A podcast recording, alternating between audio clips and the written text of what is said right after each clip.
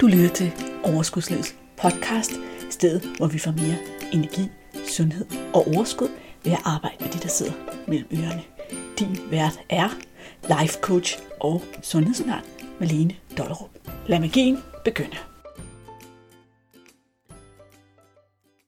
Hej og velkommen til episode 62 af Overskudslivets podcast. Hvor er det herligt at være sammen med jer igen, venner.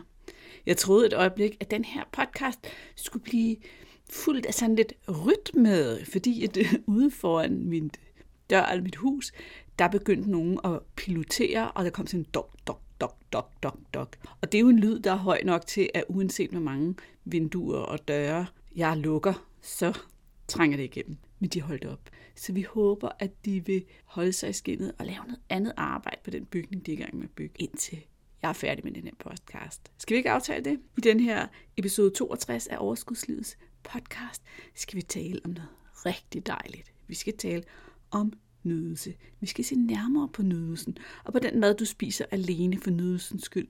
Måske vil du blive udfordret på, om du i virkeligheden nyder den. Nydelsesmad, det er mad, som overvejende er usundt, som alene har den funktion at bibringe dig nydelse. Det kan fx være kager, slik, chokolade, det der helt lyse brød, det der kolde glas vin, sodavand, chips, snacks af alle mulige slags. Men inden vi kaster os en helt aldeles ud i emnet, så fik jeg lige lyst til at dele en af podcast-anmeldelserne med dig. Jeg bliver jo simpelthen så super glad, når du tager dig tid til at anmelde podcasten, når det hjælper os podcasten med at komme ud i verden, og det hjælper mig med at få en tak for mit arbejde, kan man sige, med at dele alt det her med dig. Men en kvinde, tror jeg, som bare hedder Ripple 1, jeg kender jo ikke hendes rigtige navn, har anmeldt podcasten med overskriften Skøn podcast. Jeg elsker denne podcast, fordi den er dejlig nede på jorden, men alligevel er både relevant og udviklende. Tak skal du have. Det var rigtig dejlige ord for mig at høre det her, fordi det er noget af det, jeg virkelig sigter efter. Det er noget af det, jeg arbejder hårdt på. Det er at finde et niveau, hvor alting er nede på jorden, hvor det giver mening inde i vores hjerne, uden at vi skal krølle det rundt tusind gange, men egentlig bliver logisk og bliver til at handle på og løbe med og giver nogle indsigter, der kan udvikle dig. Så tak skal du have. Og hvis du så er derude og lytter og tænker, jeg har da ikke fået anmeldt podcasten endnu, hvad venter du på? Lad os lige gå tilbage til nydelsen. Nydelse. Æh. Hvem vil ikke gerne nyde livet? Der findes rigtig mange måder at opnå nydelse på, og en af dem, det er jo lækker mad og drikke. Men der er jo tusindvis af andre ting, der kan give dig nydelse.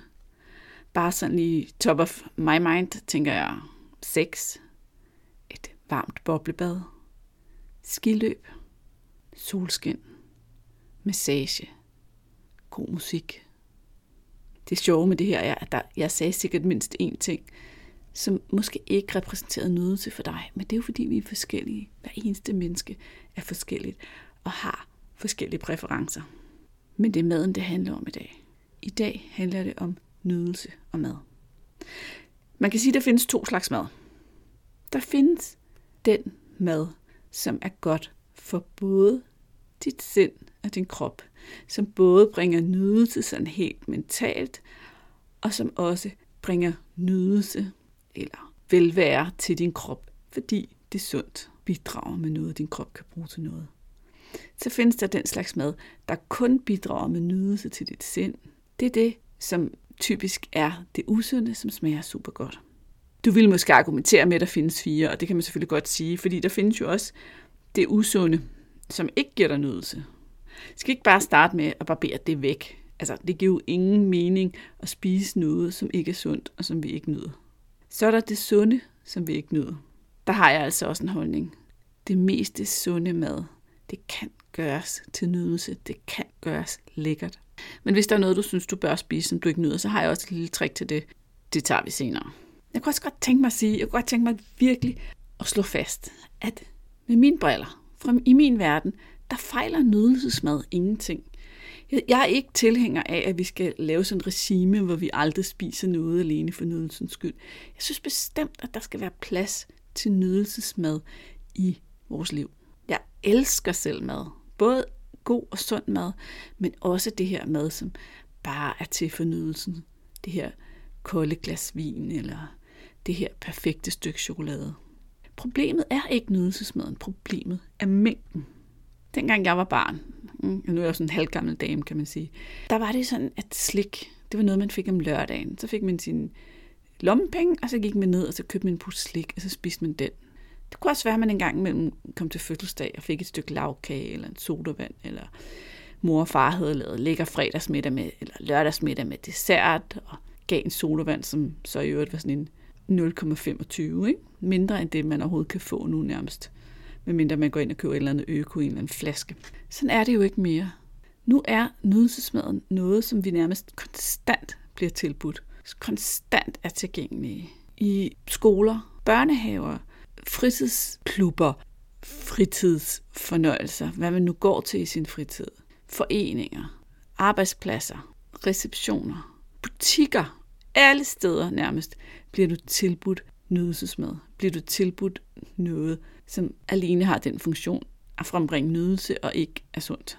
Det er simpelthen alle steder. Og det er nemt at få fat i, og det er billigt. Og det er her, at problemet i virkeligheden opstår for de fleste, de får problemer, fordi de rutinemæssigt siger ja, hver gang lejligheden byder sig. Uden at tænke ret meget over, at de har et valg. Og de fleste af os, vi har også en eller anden form for nydelsesmad, som vi sætter stor pris på. Så ud over alt det, som andre byder os, så vælger vi også aktivt til det, som vi godt selv kan lide. Vi kan måske godt lide at bage en kage med vores børn i weekenden og spise den, eller vi kan godt lide at drikke vin til maden i nogle dage om ugen eller et eller andet. Så vi vælger aktivt til vores egen allerbedste nydelsesmad, og så siger vi ja til alt det, alle andre tilbyder os. Udover det, så kan vi også bruge nydelsesmad i forbindelse med følelser. Det er en helt tredje snak, som kunne fylde en hel podcast eller fire for sig selv. Så den vil jeg lige parkere. Lad os bare fokusere på den nydelsesmad, som er i så rigelige mængder, som vi måske i virkeligheden ikke nyder. Fordi her ville det måske være nemt at barbere noget væk. Jeg kom sådan til at tænke på, dengang min ældste søn, og han er en gammel dreng, han er lige fyldt 20. Dengang min ældste søn, han gik i børnehave, der var han i en børnehave, hvor de konstant serverede kage for ham. Altså, jeg mener, flere gange om ugen. Der var altid en, der havde fødselsdag, en, der havde fået en lille søster, en, der var glad for, at de skulle på skovtur, og så var der det madmor lavede, og han var ret småtspisende og ret han var også ret slank, så det var ikke på grund af vægt, det var et problem. Problemet var, at han ofte kom hjem fra børnehave og ikke kunne spise aftensmad. Så jeg sad tilbage med følelsen af, at jeg kunne ikke få ham til at spise det sunde mad, fordi han havde fyldt op med kage. Udover det, så sad jeg faktisk også med følelsen af, at jeg aldrig nogensinde kunne bage en kage og servere en kage eller noget hyggeligt lækkert for ham. Fordi det var der simpelthen ikke plads til i sådan en lille barns madregnskab, usundt regnskab, hvis han også skulle nå at have noget næring. Så den her sådan, vilje, eller den her mulighed for, at jeg valgte, hvad ham og jeg skulle spise sammen, fordi jeg gerne ville forkæle ham, den var taget fra mig, fordi han allerede fik mere, end han havde brug for. Det synes jeg var et problem. Og det er faktisk lidt det samme problem, vi også har, når jeg nævner det her med, at ud over alt den nydelsesmad, vi bliver tilbudt alle andre steder, så står vi jo også og gerne selv vil vælge vores nydelsesmad, hvilket bare gør mængden af nydelsesmad, eller usund mad, overflødige kalorier, som ikke er brændstof til vores krop, alt for stor. Vi stiller simpelthen over for det valg, om vi skal indtage nydelsesmad alt for mange gange til, at vi kan sige ja hver gang uden konsekvenser. Hvorfor gør vi det? Hvorfor siger vi ja hver eneste gang, vi bliver udsat tilbudt noget nydelsesmad? For det første, så er vores hjerne jo ikke den store hjælp lige her. Fordi vores primitive del af hjernen, den som styrer, hvis ikke andre tager beslutninger, den er jo som default motiveret af tre ting. Nydelse, det giver mening. Det skulle sikre din overlevelse på et tidspunkt og sørge for at få noget at spise. Gerne noget med nogle kalorier. Man ved ikke, hvornår der kommer mad igen. Det var dengang. Det ved vi godt nu. Undgå smerte. Det giver også mening. Og så det her med at spare energi. Og man sparer energi. Hjernen sparer energi ved at gøre, som den plejer. Mm? Så altså rigtig gode grunde til, at du siger ja igen og igen og igen. Det sker simpelthen på default, på autopilot. Når du møder noget lækkert, får du automatisk lyst til at sige ja tak og smage på det. Du oplever nydelsen, som i øvrigt er kunstigt stor i forhold til naturens tilbud ofte. Du får lyst til mere. Den første bid øger simpelthen lysten til den næste bid. På et tidspunkt sætter rutinen ind, og så fortsætter vi bare til der er spist op. Uden at opdage, at nydelsen for længst er faldet. En anden grund til, at vi, er, vi gør det, vi siger ja tak, det er opdragelsen. Vi er opdraget til at sige ja, når nogen byder en noget, og vi er opdraget til at spise op. Så er der hele vores også meget sådan dybtlæggende behov for at være en del af flokken.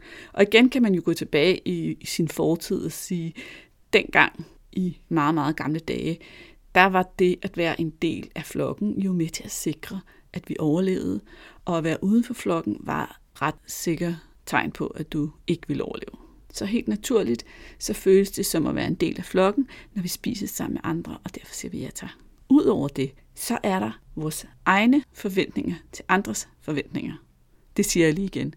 Vi har forventninger til, hvad andre forventer, hvad andre tænker. Vi er bange for, at de for eksempel vil føle sig afvist, hvis vi siger nej tak til at spise noget, som de har tænkt sig at spise. Vi er bange for, at de vil føle sig udstillet. De, vi er bange for, at de vil få dårlig samvittighed over at spise det, som vi har sagt nej tak til. Hvilket tager ansvaret for vores egen krop væk fra os, fordi vi har travlt med at holde ansvar for andres krop. Men vi tror, vi ved, hvad de tænker, og agerer ud fra, at vi ønsker at styre, hvad de tænker.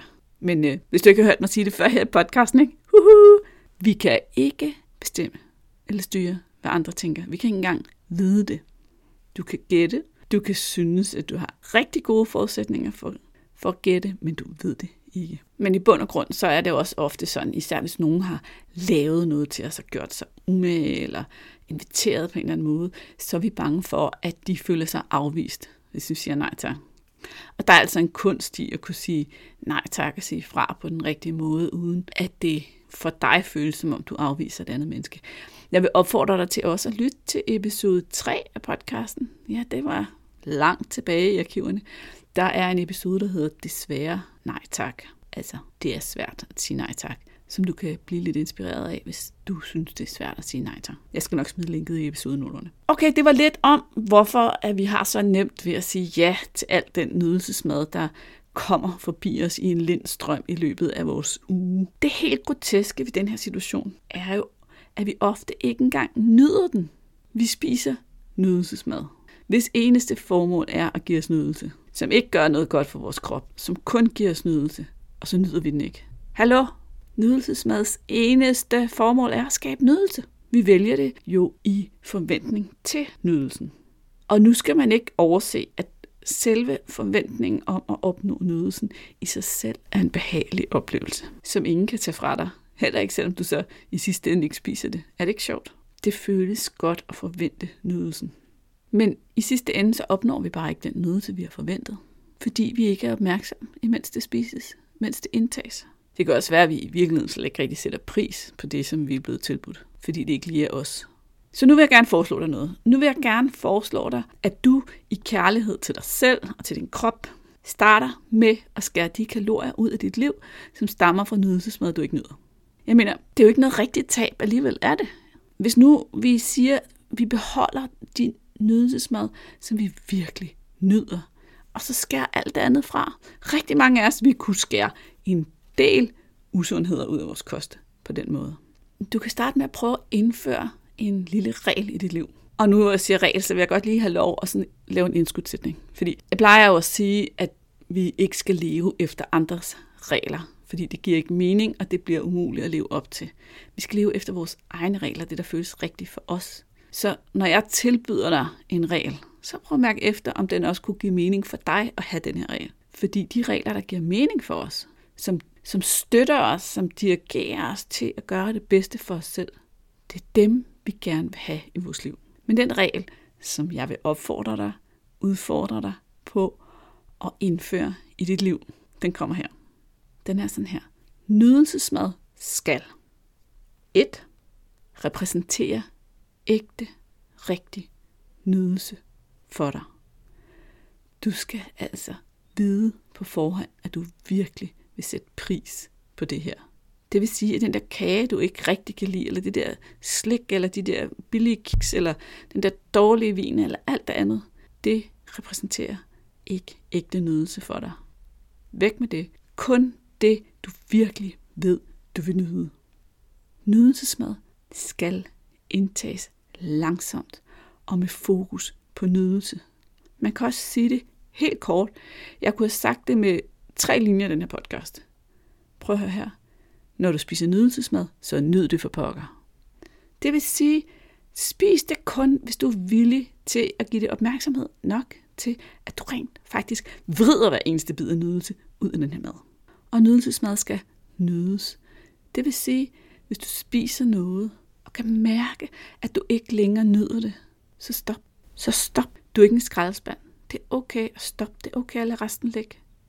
Det går ikke tabt. Det kan komme i skraldespanden eller i fedtcellerne. Noget af det, som mange af os med fordel kan gøre, det er, at vi kan øve os i at mærke, hvornår nydelsen egentlig stopper. Nogle gange så kan jeg godt sætte nogle af mine klienter til at arbejde bevidst med det her, fordi vi er meget lidt opmærksomme. Ikke? Vi kører hurtigt på autopilot. Så kan man lave sådan en øvelse, hvor man sætter sig ned med et eller andet, man synes er virkelig dejligt. Mm, det kunne være, at det var et stort stykke brownie fyldt med chokoladestykker og valnødder, eller hvad du nu... Prøv at tænke lige noget for dig, som der virkelig er nydelse. Og så tager man en bid, og så noterer man sig, hvor stor er nydelsen med den her bid. Hvordan føles det? Hvad oplever jeg i min krop? Hvad gør den her nydelse ved mig? Så tager man en bid til, og så gør man det sammen. Det vil sige, at det tager ret lang tid det her. Fordi hver eneste gang, hver eneste bid, tager du med fuld opmærksomhed. Når du laver den øvelse, så vil du opdage, at bid nummer 10 eller et eller andet andet tidspunkt smager meget mindre interessant, giver meget mindre nydelse end den første bid. Og så er du godt på vej til at kunne stoppe noget før. Stoppe, når du ikke længere får det, du kom for. Jeg kunne også godt tænke mig, at vi lige lavede sådan en slags stopliste. Jeg kunne godt tænke mig at give dig nogle eksempler på forkert brug af nydelsesmad. Og jeg vil sige, at både den her regel, nydelsesmad, skal være mad, du virkelig nyder. Du skal sætte dig ned, du skal nyde det, du skal have fokus på det, du skal sidde ned og have ro på, når du spiser det, og du skal stoppe, når du ikke længere nyder det. Og så det, jeg siger nu, det kommer også i episodenoterne, hvis du lige har brug for at læse det igen. Men hvordan bruger man nydelsesmad forkert? Hvad er det, der lige skal få en klokke til at ringe og sige, åh, åh, her er noget galt? Det kan fx være, at du spiser det foran en skærm. Har du nogensinde taget noget, du synes var lækkert? Et stykke kage, eller nogle saltede mandler, eller et eller andet andet, du sådan lige skulle forkæle dig selv med, og puttede det på en tallerken og satte dig foran din skærm og spiste det. Og bagefter tænkt, hvor blev det af? Det er forkert brug af nydelsesmad. Enten så nyder du maden, eller også så kigger du på skærmen. Den mad, vi spiser, mens vi kigger på skærmen, den ændrer vi jo ikke. Kan du huske her i starten af podcasten, der sagde jeg til dig, at du kunne få et tip til at spise det, du synes, der var ondt, men kedeligt. Prøv at høre, det kan du lægge på tallerkenen. Så kan du køre det ind, mens du sidder og kigger på den der skærm. Den er computerskærm, eller telefonskærm, eller tv-skærm. For du lægger alligevel ikke mærke til, hvad det er. Så der er ingen grund til, at det er nydelsesmad. Ja? Gulerødder er lige så godt. Nu kan jeg rigtig godt lide gulerødder, ikke? Selleri, whatever. Det næste eksempel på at bruge nydelsesmad forkert, det er, når du spiser af pligt, af misforstået hensyn til andre mennesker. Det er ikke, og jeg understreger, det er ikke din pligt at føle usundt i din krop, uden at nyde det, bare fordi andre skal føle sig godt tilpas. Det er det altså ikke, og der er ikke nogen andre, der kan passe på dig og sørge for, at du føler dig godt tilpas. Det er din opgave. Forkert brug af nydelsesmad er også at spise for at dulme sine følelser. Forkert brug af nydelsesmad er at spise noget, du egentlig ikke kan lide. Hvis du ikke kan lide lakridser, eller guldrødskage, eller boller med rosiner i, så lad være. Så lad være. Forkert brug af nydelsesmad er også at spise noget, når du er så mæt, at du ikke kan nyde det. Ja, og den kan godt være lidt tricky, for har vi spist en rigtig god middag, og så kommer der en dessert, så kan det føles, som om det hører med. Men prøv lige at mærke ind. Prøv lige at mærke ind, om du virkelig nyder det. Den sidste eksempel på forkert brug af nydelsesmad, som jeg lige vil give dig med her i dag, det er det her med at spise noget uden nydelse alene for ikke at føle sig snydt. Kender du den? Kender du den? Ej, alle de andre spiser kage. Ej, jeg føler mig lidt snydt, hvis jeg ikke også får kage. Jeg kan egentlig ikke lide den der kage, men der er ikke andre kager, så jeg spiser den. Jeg har brugt kager rigtig meget som eksempel i dag. Sodavand, vin, chips, slik, chokolade, whatever. Bare sæt dine egne eksempler ind her, når du lytter. Det gælder altid om, når, vi lytter, når du lytter og skal lære og inspireres her, og så prøve at sige, hvordan kan det her overføres til mig. Jeg føler, at jeg nu har givet dig nogle eksempler på forkert brug af nydelsesmad, og nogle af dem er forholdsvis nemme at gøre noget ved og handle på, og nogle af dem er lidt sværere. Og det siger jeg om erfaring i min egen oplevelse fra mine egne coachingklienter, fordi især den med følelserne er jo svære. Rigtig mange af mine klienter, dem jeg hjælper med at få et bedre forhold til mad, de spiser jo især for at dulme nogle følelser, de ikke har lyst til at mærke. Og nogle af dem spiser også for at forstærke de gode følelser, for at fejre. Det du kan gøre, hvis du vil dykke lidt mere ned i det, det er, at du kan gå til episode 4 af Overskudslivets podcast. Der kommer der eksempler på følelser, vi spiser på. Både positiv og negativ. Og det kan være, at du bliver overrasket over at genkende dig selv i noget, du egentlig ikke havde tænkt over, var en følelsespisning. Så den vil jeg opfordre dig til at lytte til.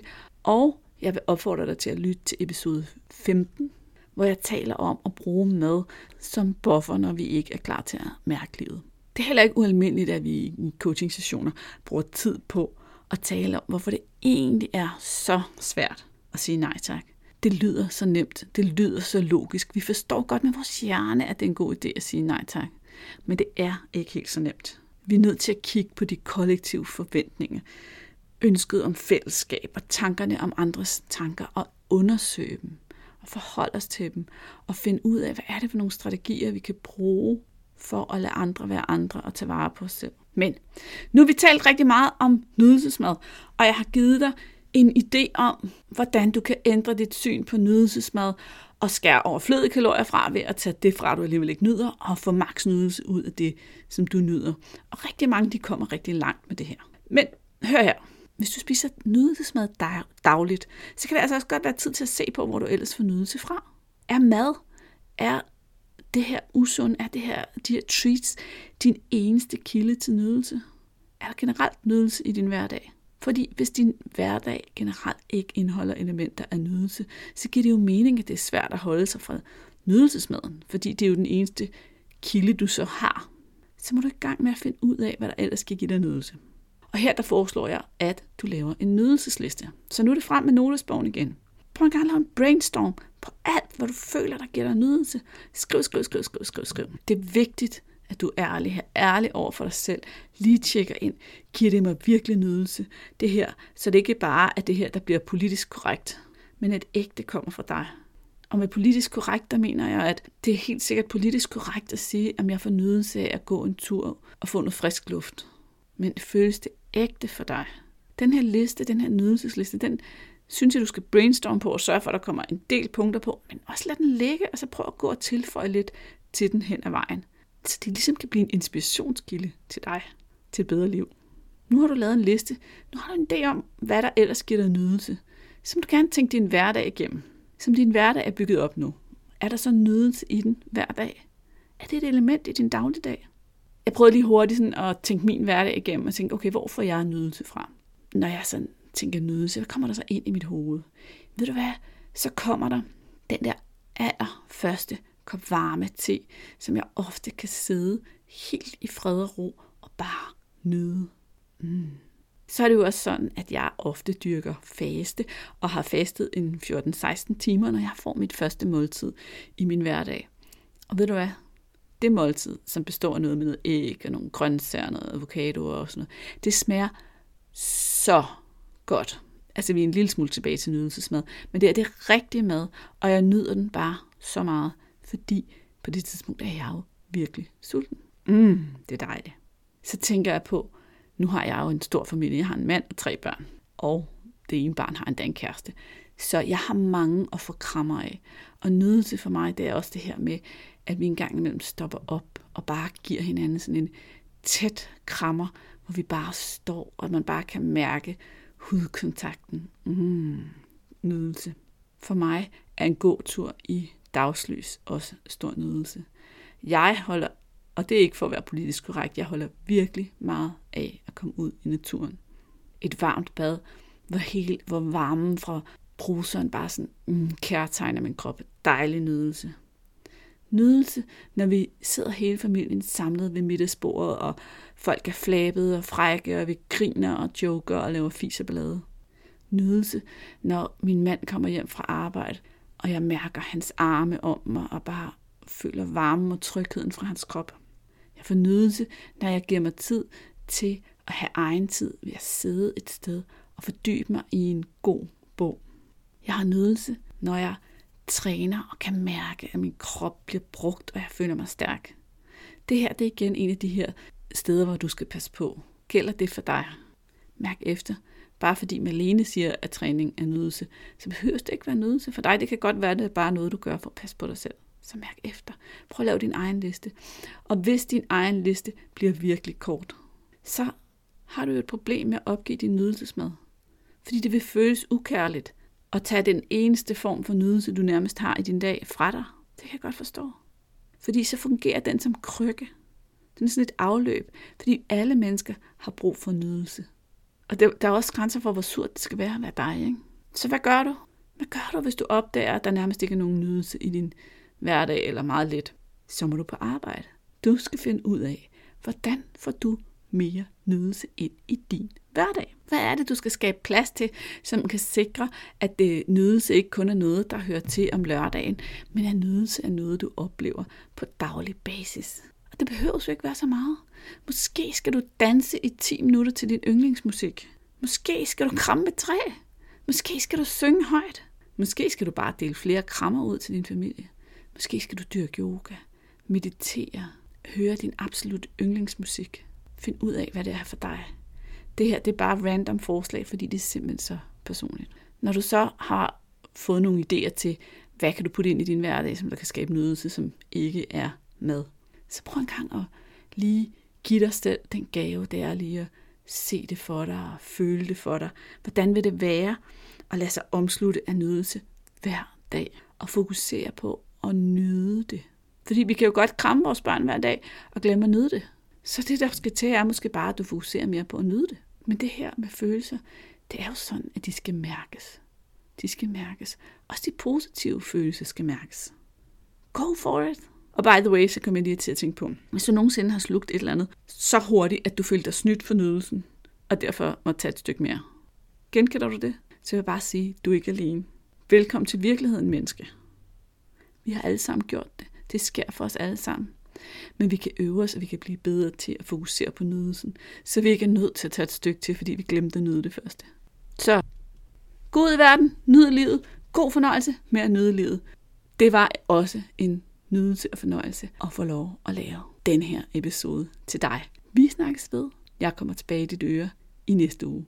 Jeg fik simpelthen lige lyst til at lave et lille PS. Så det her er et PS til nydelsesepisode. Fordi jeg kom til at tænke på, at ofte, når jeg har kvinder i coachingforløb, så er det, at de på et tidspunkt i processen opdager, at meget af det, de går og laver, meget af det, som der virker for dem, det er meget nemt. Det er sådan uanstrengt og øh, faktisk lidt en nydelse, en fornøjelse at gøre det på den måde. Og det er jo også en mulighed for dig, hvis du kan se dig selv skabe et nyt forhold til mad og få nogle andre tanker og få den naturlige vægt, som du måske går og drømmer om, så har du også muligheden for at få den hjælp og støtte, der skal til, for at det kan blive sjovt og let og ubesværet at finde den rigtige form for nydelse, så du får et sjovt og nydelsesfuldt liv, uden at føle, at det er fyldt med afsavn, uden at føle, at du skal snydes for noget for at opnå det, du gerne vil. Så lige nu her, der vil jeg opfordre dig til at finde dit indre mod frem, og så skriv dig op til en afklaringssamtale med mig. Det foregår sådan her, at du udfylder et ganske kort schema, så kontakter jeg dig, og så aftaler vi, hvornår vi skal snakke sammen. Så hopper vi på telefonen, og så stiller jeg dig en masse spørgsmål for at finde ud af, hvad er det egentlig, som der står i vejen for dig, og det du ønsker dig. Og hvad skal der egentlig til, for at du kommer derhen? Og så kan vi tage den derfra og finde ud af, om det kunne være en fordel for dig at få min hjælp. Hvis du kunne tænke dig at få et nyt perspektiv, og du kunne tænke dig at give slip på at gøre det, som du plejer, og få det resultat, som du plejer, og prøve noget helt nyt, og få støtte Prioriter dig selv højt nok til at gøre noget for dig, for, til at udvikle dig selv, til at opnå noget andet bedre med dit liv, end det du har nu. Så er det nu, du skal hoppe på, så er det nu, du skal tage chancen. Du skal gå ind på overskudslivet.dk-ansøg, eller du kan bruge linket i episodenoterne og ansøge om den her samtale. Og så længe at jeg har tid og plads i kalenderen, så er der åbent. Og så vil jeg bare glæde mig rigtig meget til at snakke lige netop dig. Fordi jeg ved, at du allerede har lyttet til podcasten. Du allerede har fået en masse indsigter. Så der er rigtig gode ting at arbejde med. Nu skal vi bare få dem til at virke for dig. Helt praktisk, så er samtalen fortrolig, den er gratis, og som regel afholder vi den inden for et par dage efter du har ansøgt.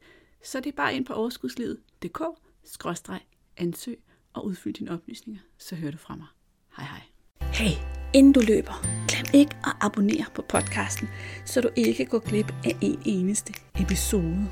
Og skulle du have fingre i den gratis videotræningsserie Vægtab med din hjerne, så smut ind på overskudslivet.dk-videoserie, så lander den første video i din indbakke i dag.